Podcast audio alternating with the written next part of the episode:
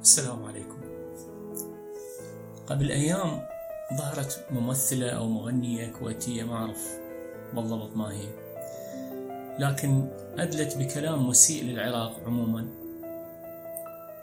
وهنا من حقنا الرد عليها.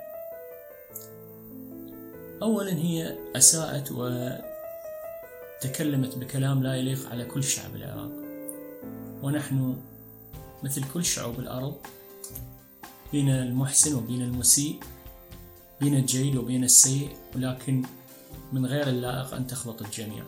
هذا أولا.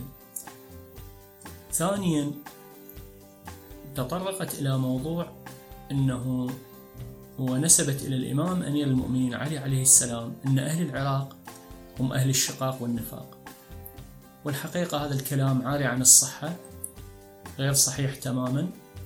هو منسوب للحجاج بن أبي يوسف الثقفي أو معاوية بن أبي سفيان لعنة الله عليه.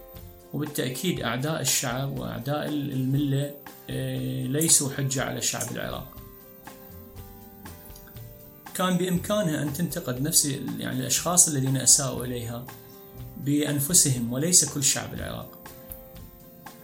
ثانيا الإمام علي عليه السلام هو بطل الإسلام المنافح والمدافع عن الإسلام ككل. ورمز من رموز الدين ومذهب أئمة أهل البيت. المفروض منها أن لا تذكر على لسانها لأنه أولا خل تنظر إلى نفسها. هي يعني إنسانة مبتذلة بعيدة عن تعاليم الدين والإسلام. والإمام علي عليه السلام هو هو من من أصول مذهب أئمة أهل البيت عليهم السلام.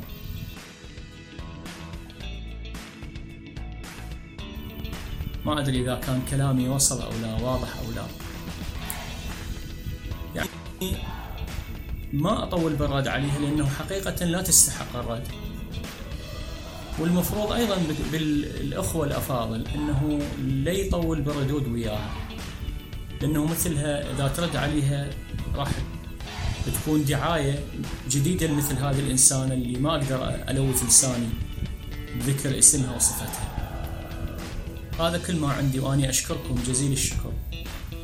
وأختم بما قاله أحد الشعراء. ما أنت أول سار غره قمر أو رائد أعجبته خضرة الدمن فاختر لنفسك غيري إنني رجل مثل المعيد فاسمع بي ولا ترني طبعا يعني بنفسي الإخوان كانوا يسمعون صوتي وما يشوفون شكلي ربما ما يعجب البعض من الإخوان. شكرا جزيلا. إذا كنت لأول مرة تشاهد القناة أتمنى أنه تضع subscribe آه، وتفعل خاصية الجرس إذا كان عندنا مثلا مستقبلا بث مباشر أو فيديو مسجل آه، يوصلكم أولا بأول. شكرا ممتن لكل من شاهدنا ممتن لكل من سيشاهد التسجيل ويعلق أيضا ويبدي رأيه بالموضوع. شكرا جزيلا.